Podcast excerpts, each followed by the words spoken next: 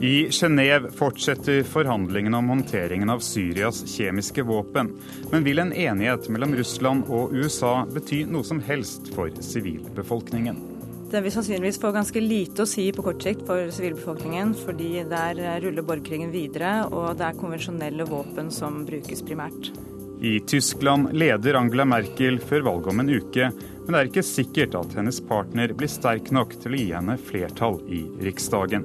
Og snart kommer 16 opposisjonelle burmesere til Brandenburger Tor. Ikke først og fremst for å lære om gjenforening, men om tysk føderalisme. Hvordan man deler eh, makt og økonomi, ikke minst mellom statnivå og, og nasjonsnivå. Føderalstaten er kanskje den viktigste politiske løsningen i, i Burma fremover. Du skal ellers få høre om solskinnsnyheter i Sør-Afrika. Du skal få vite hva som ligger, eller ikke ligger i en dato, og hva Joar Ho Larsen har til felles med Nelson Mandela. Ukens korrespondentbrev kommer ifra Gro Holm, som lurer på om hun må sjekkes ut eller ikke av amerikansk etterretning før hun får amerikansk sertifikat. Med personnummer i hånda dro jeg for å ta amerikansk førerkort. Alle papirer var i orden, men igjen ville ikke Homeland Security gi grønt lys. Kan det være mine telefonsamtaler med folk fra Taliban i Afghanistan? Må de finne ut at jeg ikke er sympatisør, bare en skarve journalist? God formiddag, du lytter til Verden på lørdag. I Genéve fortsetter altså forhandlingene mellom utenriksministrene Kerry og Lavrov på tredje dagen i dag. Vi ville ikke fortsatt om vi ikke mente vi har rom for å flytte forhandlingene fremover, sier en talsmann for amerikansk UD. Og Hans-Wilhelm Steinfeld, direkte med oss fra Kreml i Moskva. Hva sier russerne om statusen i forhandlingene nå? Det er klart at russerne er både ganske stolt og lettet over at president Putin ved diplomatisk spill har klart å få president Obama til å utsette et mulig amerikansk eh, luftangrep på Syria på ubestemt tid. Og eh, det som ligger i kortene her nå, det er jo følgende. USA har tillit i opposisjonen, Russland har tillit i Assad-regimet, og Bashir Assad sa jo i går at det er pga. Russland han nå har sluttet seg til traktaten som forbyr kjemiske våpen. Russerne har jo en militær fasilitet i Syria, denne marinebasen utenfor Aleppo. Men det som russerne kommer til å insistere på, det er jo at det er ikke USA og Russland som enkeltstater som skal stå for innsamlingen og destrueringen av de kjemiske våpen. Det er FNs inspektorat for kjemiske våpen. Og eh, Derfor har Russland de siste dagene presset veldig hardt på for at disse inspektørene som var i Syria, må returnere snarest mulig for å ta seg av den jobben. Men det som kan forventes etter at Sergej Lavrov og John Kerry har sittet sammen nå på tredje døgn i Genéve, det er at det legges frem eh, muligens en resolusjon, felles resolusjonsforslag fra FNs sikkerhetsråd om hvordan dette skal gjøres. Og går Russland og USA sammen om det, så vil kineserne helt sikkert støtte russerne. Ja, det har vært en høyst merkelig uke innen det internasjonale diplomatiet, og et angrep virker jo fjernere for hvert eh, ord som deles i det internasjonale ordskiftet. Kollega Roger Severin Bruland oppsummerer denne ukens diplomati. America's not the world's policeman. Terrible things happen across the globe, and it is beyond our means to right every wrong. But when, with modest effort and risk, we can stop children from being gassed to death, and thereby make our own children safer over the long run, I believe we should act. That's what makes America different. That's what makes us exceptional. Det var en kompleks tale Obama kom med på tirsdag. På den ene sida sa han at USA ikke kan gripe inn i alle konflikter på jorda, samtidig som at amerikanerne var moralsk forplikta til å hindre at syriske barn blir gassa i hjel. Og når alle trodde han ville komme med en flammende appell til Kongressen om å gi grønt lys til et angrep på Assad-regimet, gjorde han det stikk motsatte. The Russian government has indicated a willingness to join with the international community in pushing Assad to give up his chemical weapons. I have therefore asked the leaders of Congress to postpone a vote to authorize the use of force while we pursue this diplomatic path. Obama vil nå vente på et russisk initiativ som går ut på at Assad gir fra seg alle kjemiske våpen, i bytte mot ikke å bli bomba. Vår egen utenriksminister Espen Barth Eide hevder han sammen med de andre nordiske landene hadde en finger med i spillet. De hadde spilt inn ideen under utenriksministermøtet i Litauen forrige uke. Jeg tror i hvert fall vi kan eh, si at det har medvirket, fordi eh, vi appellerte jo til eh, Sikkerhetsrådets faste medlemmer, og ikke minst til Russland, om å prøve å komme ut av den låste situasjonen ved å ta et annet initiativ. Utenriksministrene til USA og Russland, Kerry og Lavrov, kom så sammen i Genéve for å diskutere hvordan en i praksis skal ufarliggjøre de kjemiske våpnene til Syria. Assad har sendt en søknad om å bli medlem i konvensjonen om kjemiske våpen, og det ligger nå an til en diplomatisk løsning. Men John Kerry sier at USA fremdeles er klare til å slå til militært, skulle planen slå feil. Should diplomacy fail, force might be necessary to deter and degrade Assad's ved siden av stod Lavrov, som i diplomatiske ordelag kritiserte Kerry for å være storkjefta. Kerry fikk ikke med seg omsetninga av det Lavrov hadde sagt, og da han spurte direkte, svarte Lavrov at det trengte han ikke bekymre seg for. Can you give me the last part of the translation, please? No, it Hello? Was, it, was okay, John. Don't worry. you want me to take your word for it? It's a little early for that. Okay. Okay. Okay. Det er nå litt tidlig ennå å ta deg på ordet, sa Kerry til latter fra forsamlinga. Men mistenksomheten på begge sider er stor, og innsatsen er høy. Russland har sendt marinefartøy for å beskytte den strategisk viktige marinebasen deres i Syria. Tartus-basen gjør det mulig for russerne å ha krigsskip i Middelhavet uten å gå gjennom Bosporus. Tyrkerne kan nemlig stenge stredet hvis det er fare for krig, ifølge Montreux-traktaten. Russland har også et viktig overvåkningsanlegg i byen Latakia. Ifølge kjelder NRK har snakka med, frykter russerne at amerikanerne vil bruke et flyangrep mot Assad som påskudd for å bombe overvåkningsanlegget. Samtidig kan Syria bli et stort prestisjenederlag for Obama, hevder en forsker i den amerikanske tenketanken Brookings.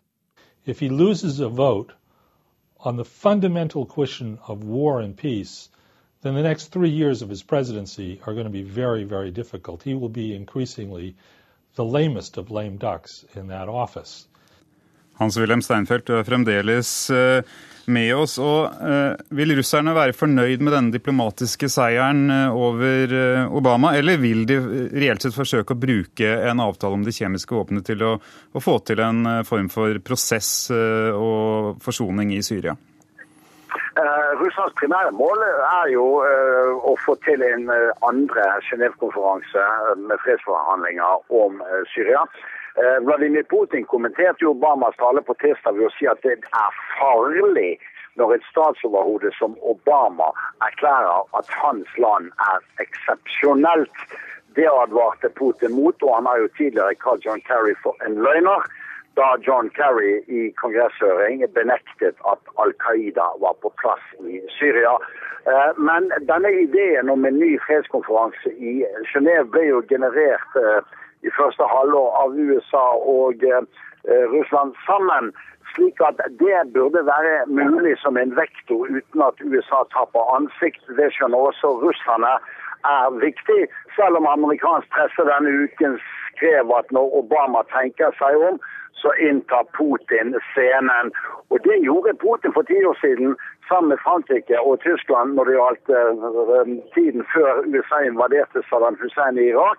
Og russerne er ganske fornøyd med at de har ved hjelp av diplomatiske midler uh, sørget for at Nato ikke vil delta i en amerikansk aksjon, at det britiske parlamentet har sagt nei uten at russerne tar æren for det. Men de har sett at Obama og hans støttespillere skritt for skritt er presset tilbake fra ideen om å gå alene ut mot Syria uten et mandat i FNs sikkerhetsråd.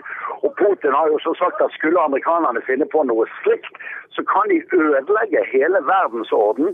Og han sa på TV her i helgen at det neste målet Putin mener jo det er opposisjonen som brukte kjemiske våpen, og de kontrollerer områder der det er kjemiske våpenlagre i Syria. Det er Israel.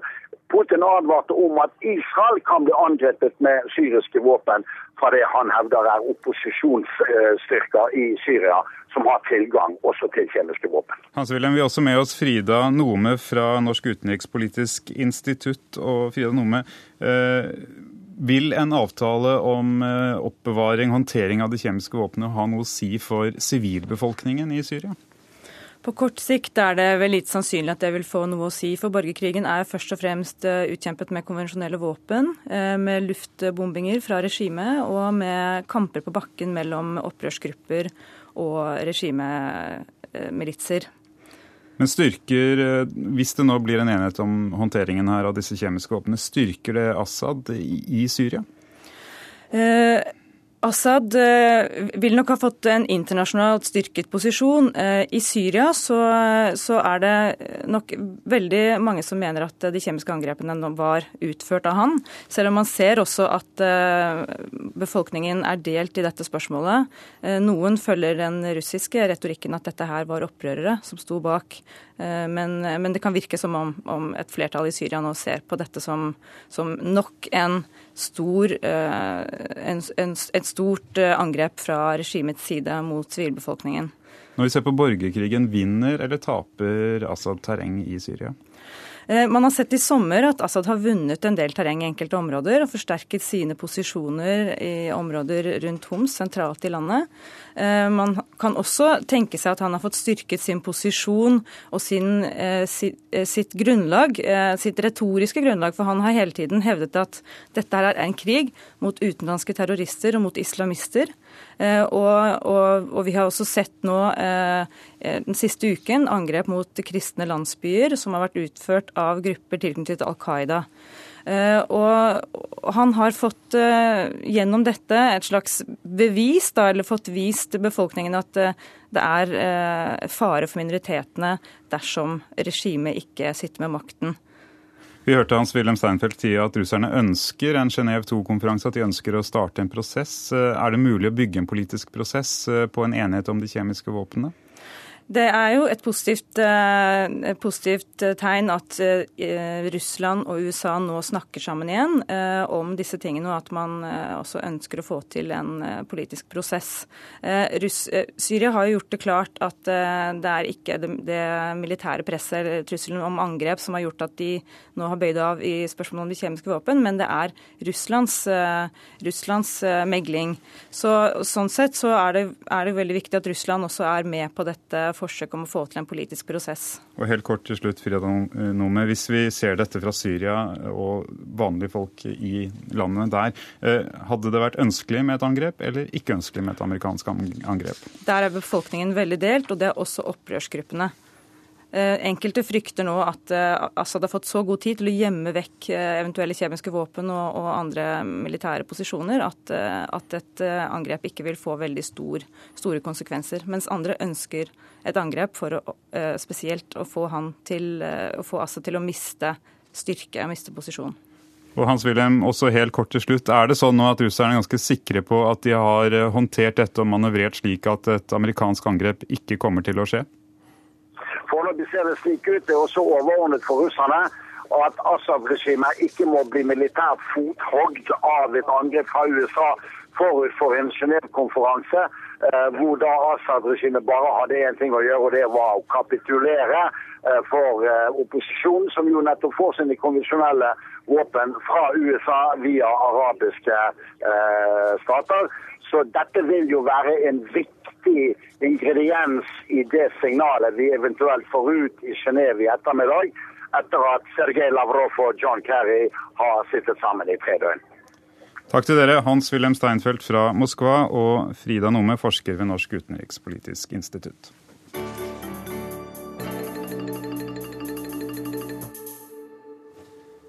Det er kun en uke til valget i Tyskland, og Angela Merkels kristeligdemokrater har en klar ledelse på meningsmålingene.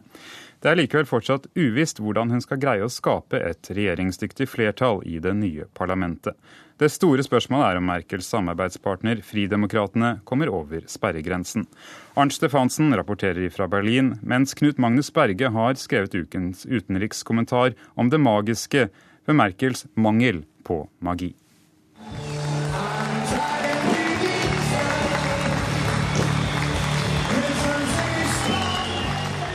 Angela Merkel tas imot med ovasjoner på et valgmøte i det sørvestlige Tyskland denne uken.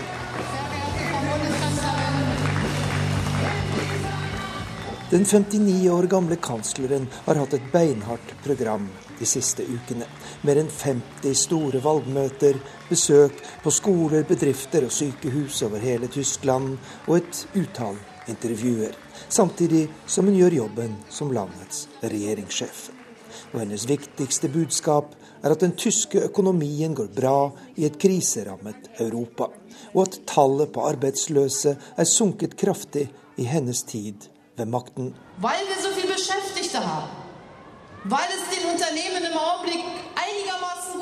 Fordi vi har så mange mennesker i arbeid, og fordi bedriftene klarer seg bra i en vanskelig tid, er det viktig å føre en politikk som ivaretar disse godene.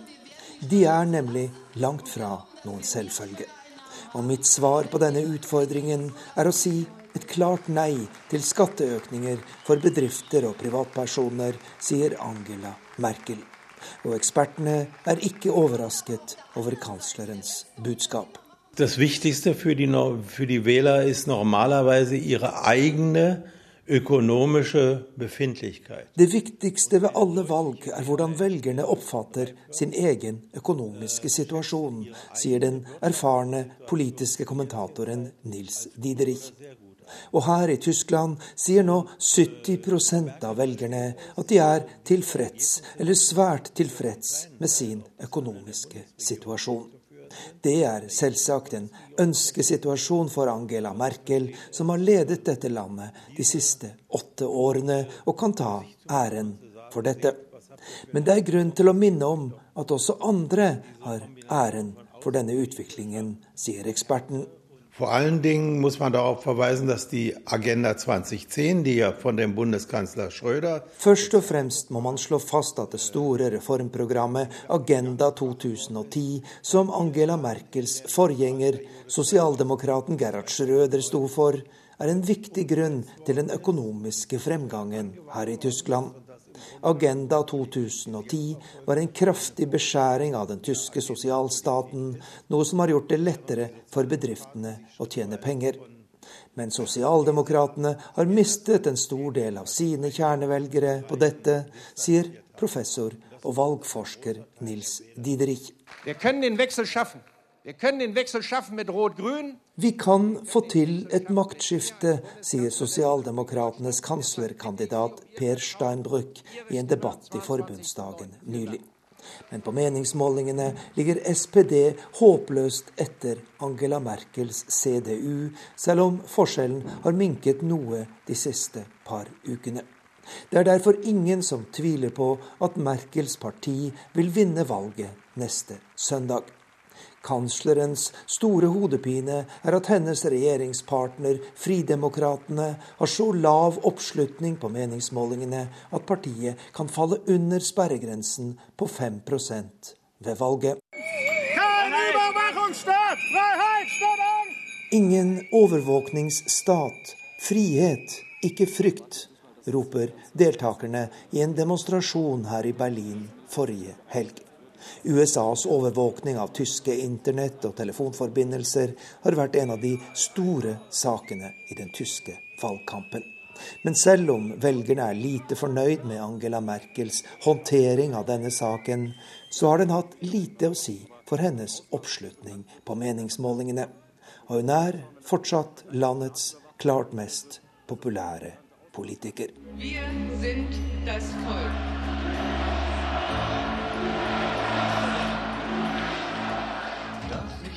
Vi er folket, Det berømte slagordet fra den østtyske revolusjonen i 1989 runger ved riksdagsbygningen her i Berlin. Det er en videofilm om det tyske demokratiet som vises hver kveld, og som samler mange tilskuere. Og uansett hva som skjer på valgdagen, så er valget i seg selv en god nyhet.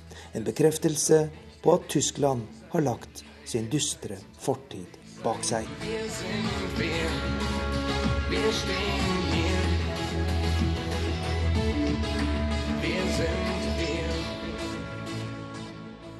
Jeg ser meg rundt. Hele familier er møtte fram denne augustkvelden i nordtyske Lübeck. Fra talerstolen blir de fortalt at det er de det handler om.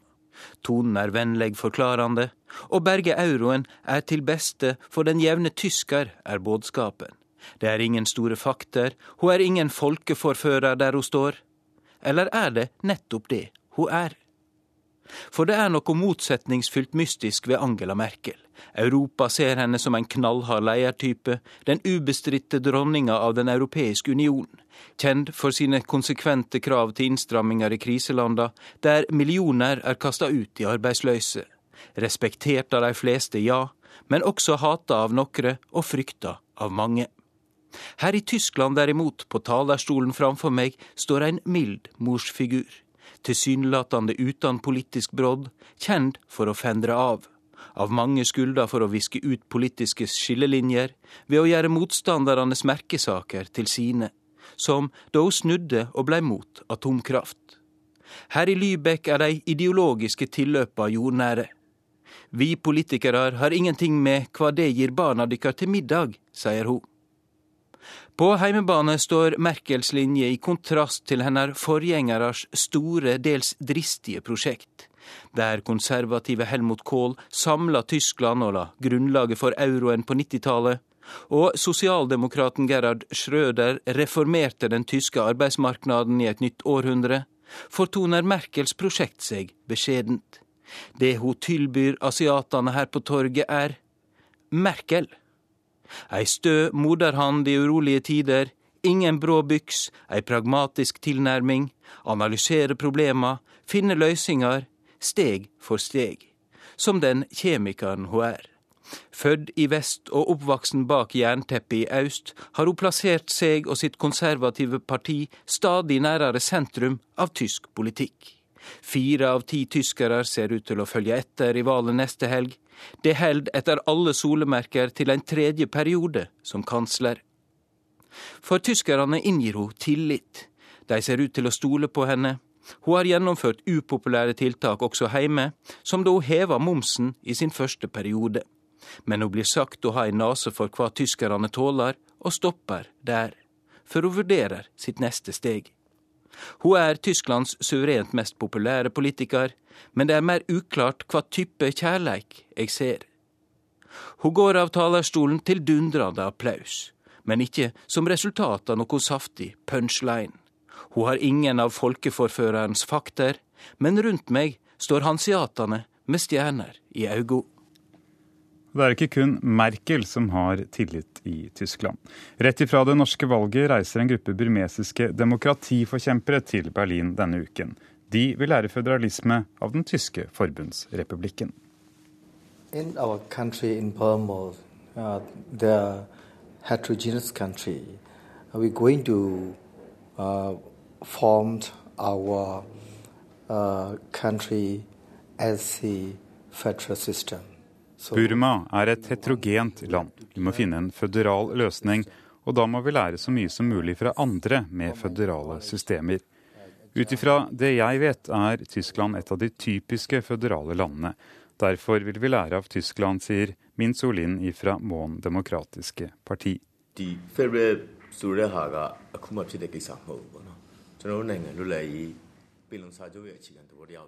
vi hadde et slags føderalt system da vi ble uavhengig fra britene.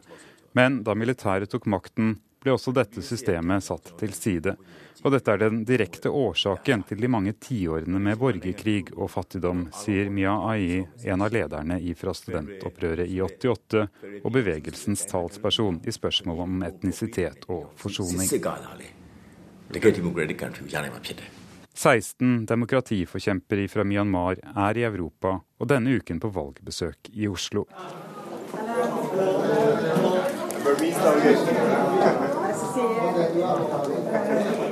Begeistringen er stor da de valgkvelden møter Erna Solberg selvsikker, smilende, hilsende og susende gjennom NRKs korridorer forbi delegasjonen fra Myanmar på vei inn til Dagsrevyen.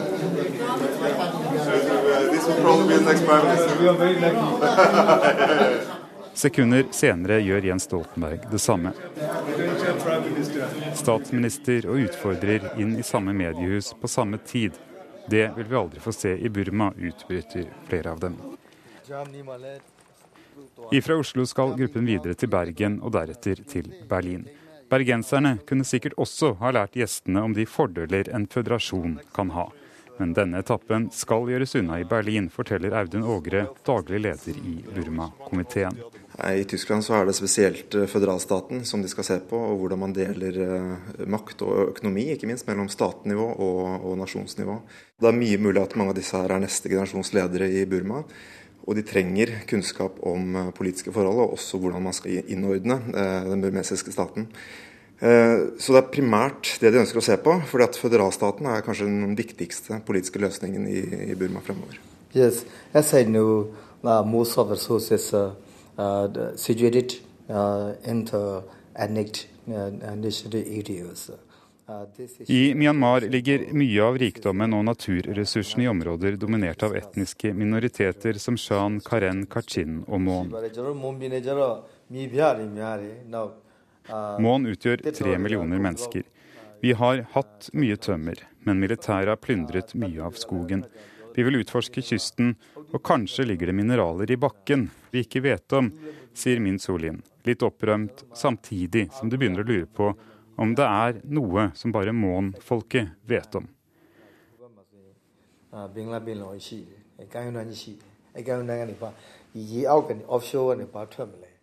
Det er klart vi skal ha en felles forsvars- og utenrikspolitikk.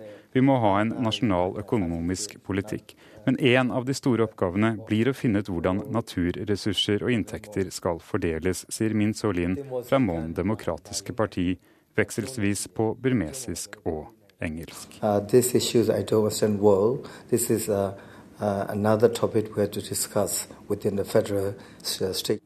det internasjonale samarbeidet om klimaovervåkning skal bli bedre. Arbeidet blir nå løftet opp på FN-nivå.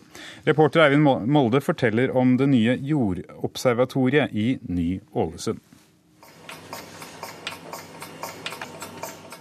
Pumpa går og går. Hun pumper flytende helium som er kjølt ned til minus 269 grader. Det er nesten så kaldt som du kan få det. Det er et supergravimeter vi har framfor oss. Det måler endringer i jordas tyngdefelt, og heliumen blir kjølt ned for å fjerne støy. Vi er på Kartverket sitt jordobservatorium i Ny-Ålesund. Her måler de hvordan jordskorpa beveger seg, de måler hav- og isnivå. De ser om landet stiger. Og målinger herifra er avgjørende for at navigasjonssystemet GPS skal fungere.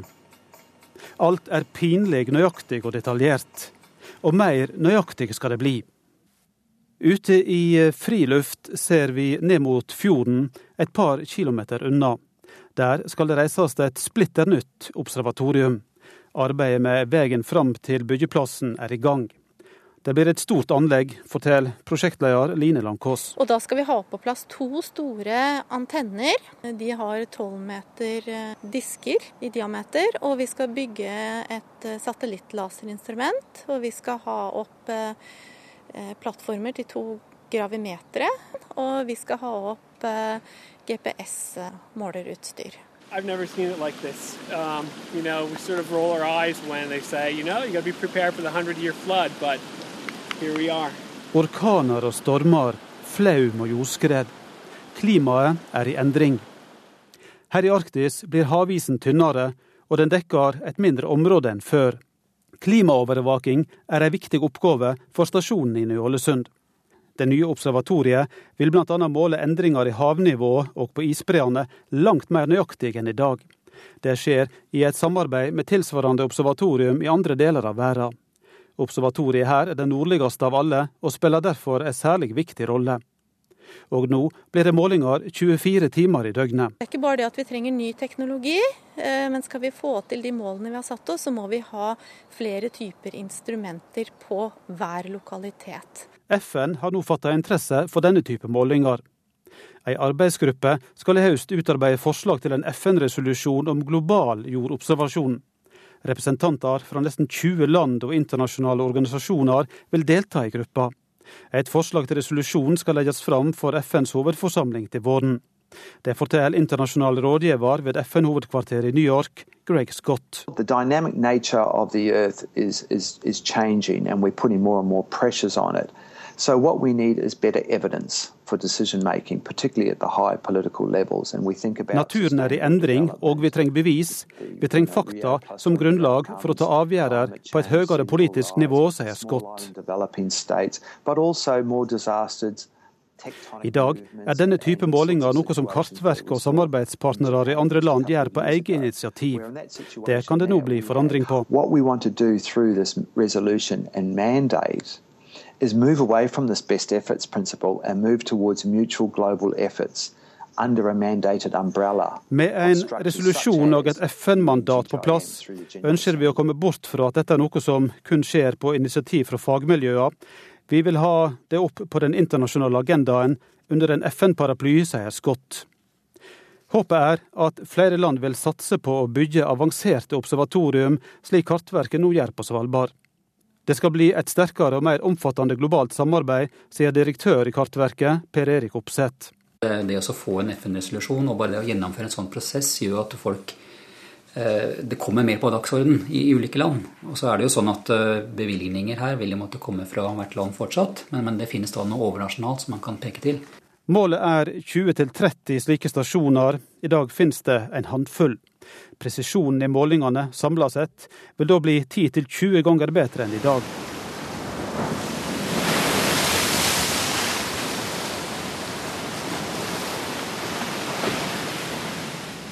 Havet. For mange er det en trussel. Tusenvis av mennesker har allerede flykta. I lavtliggende land som Bangladesh er de redde for følgene av at havet skal stige, og at orkanene vil komme hyppigere enn før. Bedre overvåking av det som skjer er ekstra viktig for disse landene, sier Per Erik Opseth. Eh, det for FN å kunne ha noe å, peke til der, eh, noe mer sikkert om hva som vil skje med havnivået, det vil jo kunne gjøre at vi kan planlegge masseforflytninger av folk hvis det skulle bli nødvendig i framtida.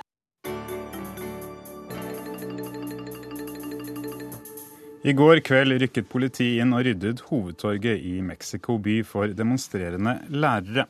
Mexico har det laveste skattenivået av alle de 34 oljeproduserende OECD-landene. Og presidentens forsøk på å reformere skatt, økonomi og arbeidsliv har provosert fram store demonstrasjoner. Reporter i denne reportasjen er Sigrun Slapgard. Nei til det store tjuveriet, står det på en stor plakat. Under står venstrepolitiker Andres Obrador og tar imot jubel og vivarop fra ei menneskemengde på nesten flere titalls tusen. Que nadie. Det er protestmøte i Mexico by, og det er de annonserte økonomiske reformene til president Enrique Peña Nieto som får gjennomgå. Det er særlig privatiseringsplanene av energisektoren og auka skatter som får folk ut i gatene. Folk står med små heimelaga paroler som sier at oljen er vår. Det er knytta never og allsang og lokal musikk. Venstreleder Obrador tapte presidentvalget i fjor, men hevda sjøl det var pga. valgjuks. Nå står han på scenen og langer ut mot det han kaller et skamfullt ran. Han vil den planlagte oljereforma til livs. De estas reformas Reformplanene er laga i utlandet, hevder Obrador. De er laga til fordel for utenlands oljefirma. Fra før har presidenten fått med seg mellompartiene på å reformere utdanningssystemet og privatisere den statlige telekommunikasjonen. Nå vil presidenten gi mindre firma tilgang til energisamarbeid med statlige Pemex. Han vil også modernisere statsselskapet. Det har gått 75 år siden Mexico nasjonaliserte oljedrifta, og reformer trengs, hevder presidenten, som avviser at det er snakk om privatisering. Dette er ei sosial utjamningsreform, sier den meksikanske presidenten, og reforma vil øke investeringene i offentlig sektor og styrke både utdanning og infrastruktur i landet. Han lover ei allmenn pensjonsordning og forsikringsordninger for de arbeidsløse. Men dette ser ikke ut til å kunne sukre pilla godt nok. De som har tatt til gatene er først og fremst opprørte over at monopolselskapet Pemex nå skal få minka skatten med nesten 20 Blant demonstrantene er det gamle og slitne arbeidsfolk. Ei eldre kvinne har trukket ei T-skjorte over kjolen sin. Der står det 'Oljen er min, nei til verdens største ran'. Når presidenten og regjeringspartiet, det som heter Revolusjonspartiet, nå prøver å stagge gatas parlament, er det med et løfte om at det ikke skal bli nye avgifter på mat og medisin, i det minste. Så spørs det om det kan stagge et sinne som de fattige nå ser ut til å dele med middelklassa i Mexico. Statskringkastingen i Sør-Afrika, SABC, har besluttet sju, at, at sju av ti nyheter skal være positive. Regjeringen er begeistret, industrien det samme, men journalister reagerer. NRKs tidligere Afrikakorrespondent Tom Christiansen har sett nærmere på de nye retningslinjene. Dagsrevyen i Sør-Afrika har allerede fått sitt nye kallenavn, Solskinnsnyhetene. 70% skal handle om det som går godt i Sør-Afrika og verden ellers. Mange vil si det er på tide. Sørafrikansk nyhetsdekning handler om mennesker som blir lemlestet i trafikken, eller drept av naboen, om rasende gruvearbeidere i streik eller protest, om strømforsyningen som svikter og en president som er under konstant mistanke om misbruk av offentlige midler. Den fungerende kringkastingssjef Laudi Motsoeneng avviser all kritikk. Han mener at nyheter om det som går bra, vil gjøre godt for nasjonen. Det er de positive nyheter som bygger Sør-Afrika. Han vil ta et oppgjør med det han kaller den kyniske journalistikken. En talsmann for regjeringspartiet ANC er veldig fornøyd med de nye takter og mener det er helt nødvendig. Historien om det nye Sør-Afrika er ennå ikke fortalt. Det sørafrikanske kringkastingsselskapet SABC er en mastodon som trofast tjente apartheidregimets interesser. Kamper i gatene mellom svart ungdom og hvitt politi ble framstilt som en ordensoppgave mot ustyrlige og kriminelle tenåringer. Andre opposisjonelle var terrorister. Da frigjøringsbevegelsen ANC ble et parti og inntok regjeringskontorene, inntok de samtidig SABC. Siden har regjeringspartiet vært sikret god dekning, og dokumentarer om president Jacob Somas korrupsjonsaffærer har vært stanset i siste liten. Det er flere sørafrikanske stasjoner som holder seg med det de selv kaller egentlige nyheter. Nylig åpnet den søkkrike indiske Gupta-familien sin egen fjernsynsstasjon i Sør-Afrika med det kryptiske navnet ANN7. Familien er allerede skandalisert for sine overdådige vaner og selskaper og misbruk av politiske kontakter. Deres fjernsynskanal sender bare positive nyheter om regjeringen. Vi vil skape patriotisme sier en av deres ankermenn, og til nå har selskapets eiere fått den adgang de trenger til makten. Behovet for positive nyheter er etterspurt i flere land, men dersom de nedfelles i en redaksjonell brøk 70-30, blir nyhetsjakten et spøkelse. For hva er en positiv nyhet? Er det positivt eller negativt at korrupsjon blir avslørt? Er det en minusnyhet at myndighetene skal granske president Jakob Somas bruk av 200 offentlige millioner kroner til sitt private palass? Er det en god nyhet at gruvearbeiderne streiker mot dårlig betaling og kritikkverdige boforhold, eller er det en minusnyhet i den sørafrikanske kringkastingssjefens regnestykke? Vaktbikkja Media Monitoring Africa minner om at journalistikkens vesen er å fortelle sannheten så komplett som mulig, være uavhengig, unngå å skade noen og være pålitelig. Det er viktigere å være rettferdig enn å være positiv eller negativ. Likevel, mye går bra i Sør-Afrika, men du får aldri høre om at 500 nye hus blir bygget hver dag, at alle nå har fått rent vann og lys i lampa, aldri før har flere svarte studenter gått på universitetet. Er det slik at en hendelse må være destruktiv for å være en nyhet? Svaret er nei i SABC. I dag er det den 14. Eh, september. Onsdag denne uken var det altså 11. september. En meget spesiell dag for mange. Samtidig, forskjellige land og kulturer forbinder ikke alltid det samme med en dato. 11. september er noe ganske annet i Chile enn i USA. Joar Hoel Harsen har sett litt på variasjonene i forskjellige datoers symbolske innhold. Det er litt fristende å begynne med meg selv for å understreke dette poenget. Jeg har nemlig bursdag 18. juli. En fødselsdag jeg deler med rundt regnet 20 millioner mennesker, så så veldig eksklusivt er det ikke. Men jeg fremhever mer enn gjerne at det er på samme dag som denne karen, som i 1990 ble løslatt etter 27 år i fengsel. It's a totally different South Africa. And along the route, I was surprised to see the number of whites uh, who seem to identify themselves with what is happening in the country today amongst blacks. Nelson Mandela, verdens mest beundrede og avholdte menneske, har altså bursdag på samme dag som meg.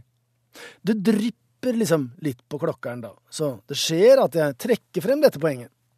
Derimot så forsøker jeg da heller å underkommunisere at en annen kar, Vidkun Quisling, også er født på denne dagen.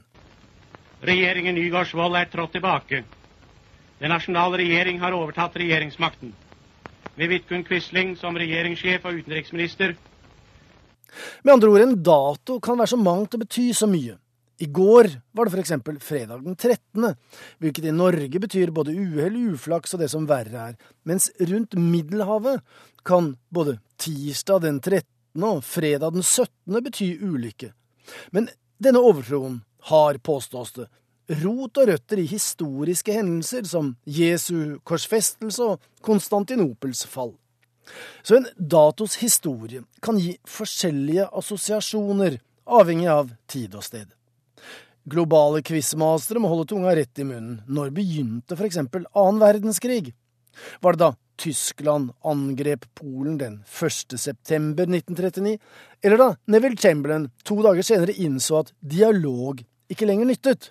I have to tell you now that no such undertaking has been received and that consequently this country is at war with Germany. Men ble det verdenskrig av den grunn? Kanskje kunne det kalles en sentraleuropeisk krig, men det var jo i hovedsak fred i verden. Riktignok så har Kina og Japan kriget i tre år allerede på dette tidspunkt, så det er krig andre steder i verden, men for USA for eksempel så begynte jo ikke annen verdenskrig før etter angrepet på Pearl Harbor 7.12.1941, altså to år og to måneder etter angrepet på Polen. Og sånn er det også litt med 11. september. Den datoen betyr forskjellige ting. I nyhetsbildet så var datoen lenge ensbetydende med kuppet i Chile og Pinochet-diktaturets begynnelse. President Salvador Allende ble styrtet den dagen, og han ble minnet i Santiago i Chile denne uken. Recordamos al presidente Salvador Allende, a ese hombre digno, a ese luchador social que por más de 50 años recorrió Chile para sembrar esperanzas y sueños. Men den 11. september 2001 så smalt to kaprede passasjerfly inn i World Trade Center i New York og datobegrepet 9-11 ble et egennavn som i all fremtid kommer til å overskygge den nasjonale tragedien i Chile 28 år tidligere. For tre dager siden deltok president Obama i tolvårsmarkeringen. We pray for the memory of all those taken from us. Nearly 3,000 innocent souls. Our hearts still ache for the futures snatched away. Verden rundt vil folk flest tenke på Ground Zero og tvillingtårnene, Al Qaida og Osama bin Laden når 9-11 nevnes, med unntak altså av Chile. Og nabolandet Argentina, som har sin helt egen markering. Der er det skolefri 11. september. Elevene feirer og hyller han som innstifta dagen, tidligere president Domingo Sarmiento. Han fikk i 1882 vedtatt grunnskoleloven i Argentina. Den slo fast at alle barn har rett til å gå på skolen og lære å lese og skrive gratis. Så denne uka var det Sarmiento-dag i Argentina, der lærerne hyllet sitt yrke og sitt virke. Me gustan muchísimo los chicos, eh, me gusta enseñar, con ellos aprendo muchísimo y fundamentalmente me divierto. Men i Sverige har 11. september en annen klang. I år var det ti år siden den svenske utenriksministeren Anna Lind døde etter å ha blitt knivstukket i en butikk dagen i forveien. På onsdag var det minnemarkering i Stockholm. Hvordan minns du Anna Lind i dag? Eh, som en ljus person og som en person som virkelig eh, trodde på det hun gjorde og jobbet for et bedre samfunn.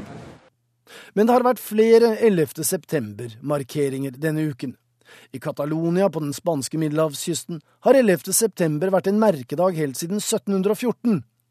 Neste år er det 300 år siden Catalonia kom under kastiliansk innflytelse og ble en del av Spania. De siste årene har drømmen om uavhengighet vokst i Barcelona med omegn, og onsdag denne uken markerte de sitt ønske om selvstendighet.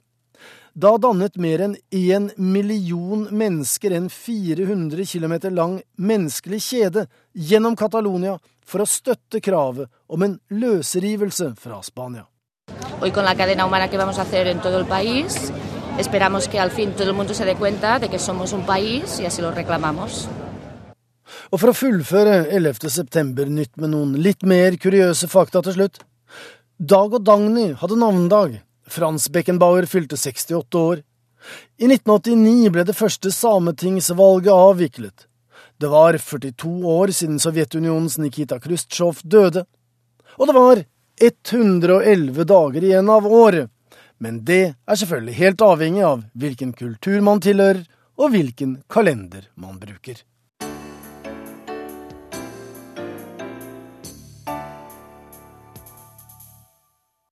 Du har altså brukt litt av den 14. september til å høre på Verden på lørdag, og som alle lørdager ti på tolv har vi nå kommet til ukens korrespondentbrev. Det er fra Gro Holm, hennes første fra Washington, og det hun lurer på er om hun er interessant for amerikansk etterretning eller ikke. Nytt land og nytt mobilnummer som skal være midt i fire år. Du er en person, en som kan ringe opp og ha et rimelig håp om at folk ringer tilbake. Det er nemlig ingen her som vil ringe et norsk nummer. Men det er en hake med amerikansk nummer. 325 dollar koster amerikansk etterretning å aktivere overvåking av mitt telefonnummer, som tilhører telekomgiganten AT&T. Deretter koster det fem eller ti dollar døgnet for etterretningstjenesten NSA å få telefonselskapet til å overvåke meg videre, alt avhengig av hvor mye og hva slags informasjon NSA er ute etter. For å utlevere opplysninger om samtlige telefonnumre som har ringt via én telemast, får AT&T 75 dollar for hver mast, skriver The Washington Post. Sammen med britiske The Guardian publiserer avisa nå flere ganger i uka ny informasjon lekket av NSA-avhopperen Snowden. For en rekke selskaper er det blitt big business å samarbeide med amerikansk etterretning.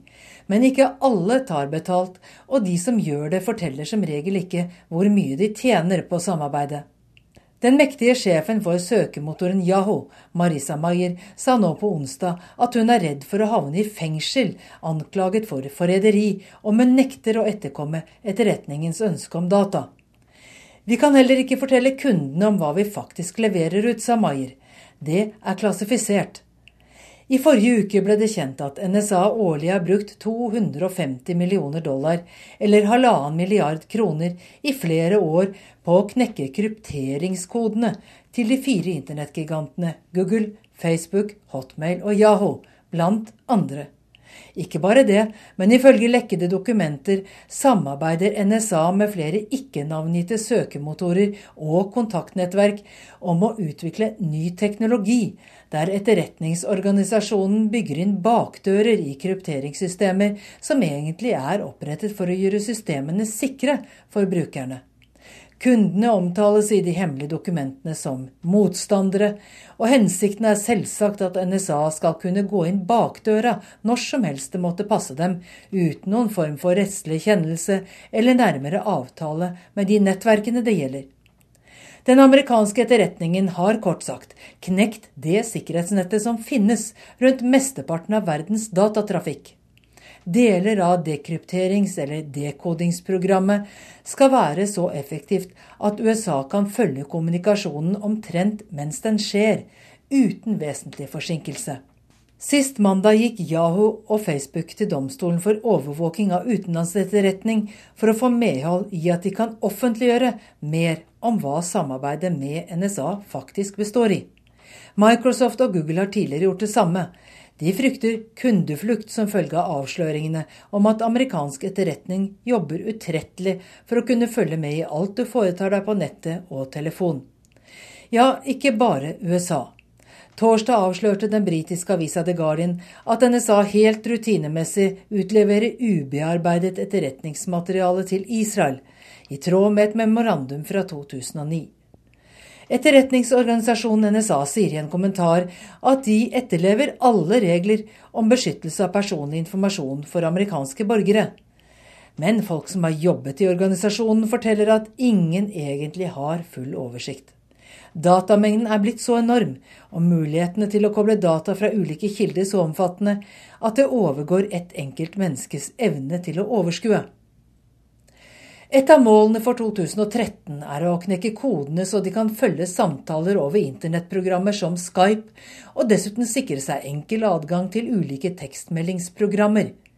Tidligere er det kjent at Microsoft har samarbeidet med NSA om teknikker for å snike seg rundt kodingen av Microsofts standardredskap for e-post, Outlook, og nettgigantens chatteprogrammer. Microsoft forsvarte seg med at de er forpliktet til å etterleve nåværende eller framtidige juridiske krav når de designer sine produkter. Den som definerer jussen her, er den tidligere så topphemmelige domstolen for overvåking av utenlandsetterretning. Den er, som man kan ane, ingen domstol for hvermannsen. Selv Microsoft og Google stiller med lua i hånda der i gården. Det tyske magasinet Der Spiegel skriver denne uka at amerikansk etterretning nå også kan overvåke smarttelefoner, altså uten avtale med den enkelte teleoperatør. Det gjelder giganter som iPhone, Blackberry og telefoner som bruker operativsystemet Android. Mot den slags informasjonstyveri hjelper det bare måtelig at Apple denne uka lanserte fingeravtrykkidentifikasjon som den store sikkerhetsnyheten på den splitter nye iPhone 5S. Men hvordan kan amerikansk etterretning overhodet få muligheten til å bygge inn svakheter i krypteringssystemer over hele verden? Svaret er enkelt. USA er ledende på datasikkerhet, og det er en amerikansk institusjon som i praksis setter den internasjonale standarden.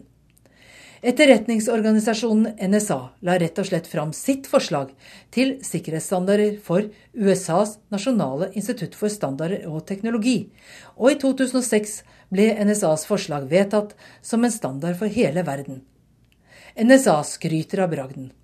I et internt dokument heter det at NSA ble den eneste redaktøren av verdens sikkerhetsstandarder for internett men altså med noen innlagte og meget målrettede sikkerhetshull. Dette er selvsagt ikke populært blant amerikanske borgere. Mange reagerer riktignok ikke så mye på overvåkingen av utlendinger, men at en hvilken som helst Rick, Bob og Cathy ikke kan få ringe og sende sine SMS-er i fred, det er verre. I denne saken finner ultrakonservative liberalistiske republikanere og venstresidedemokrater hverandre. Snowdens eventyr fra virkeligheten, solid presentert av en tungvekter i amerikansk presse, vil ganske sikkert fortsette å gnage som småstein i gåbortsko for president Barack Obama de vel tre årene han har igjen. Protestene fortsetter også i Europa. Sist lørdag demonstrerte rundt 20 000 tyskere i Berlin. Nå torsdag krevde EUs kommisjonær for innenrikssaker, Cecilia Malmström, klare og tilfredsstillende svar. En seriøs TV-stasjon i Brasil offentliggjorde nemlig sist helg at det franske utenriksdepartementet og Swift, som er et globalt banknettverk for overføring av penger, var blant målene for USAs etterretning. Nå truer EU med å si opp et avtalt samarbeid om å utlevere passasjerlister fra europeiske flyselskaper til amerikanske myndigheter. Brasil har sine egne høner å plukke. Det statlige oljeselskapet Petrobras, Brasils parallell til Statoil, skal være blant dem som er overvåket. Det er også Brasils president, Dilma Rousef. I en samtale med Obama under forrige ukes G20-møte i St. Petersburg truet hun med å avlyse et planlagt besøk i Washington. Obama skal ha lovet å svare, og ba henne om ikke å avlyse. USA har 16 spion- og etterretningsorganisasjoner, og de sysselsetter til sammen 107 035 mennesker, skrev The Washington Post sist fredag. For første gang ble også budsjettet offentliggjort. 52,6 milliarder dollar, eller vel 315 milliarder norske kroner i året, koster verdens største sikkerhetsapparat. Det lever stort sett sitt eget liv, inntil noen setter foten ned eller legger hele sitt liv i potten for å fortelle fra innsiden, som Snowden gjorde. Men overfor kritikerne siteres ofte én seier, nemlig fangsten av bin Laden i en liten by i Pakistan. Det hadde ikke vært mulig uten den utviklingen i signaletterretning som har foregått i årene etter 11.9.2001. En personlig liten sidekommentar til slutt. Jeg søkte om personnummer i USA i begynnelsen av juni, og fikk et dokument som sa at det normalt tok fire uker. Det tok tolv. Problemet med Homeland Security, sa saksbehandleren til meg, Homeland Security sørger for at ingen uønskede personer får slå seg ned og jobbe i USA. Med personnummer i hånda dro jeg for å ta amerikansk førerkort. Alle papirer var i orden, men igjen ville ikke Homeland Security gi grønt lys.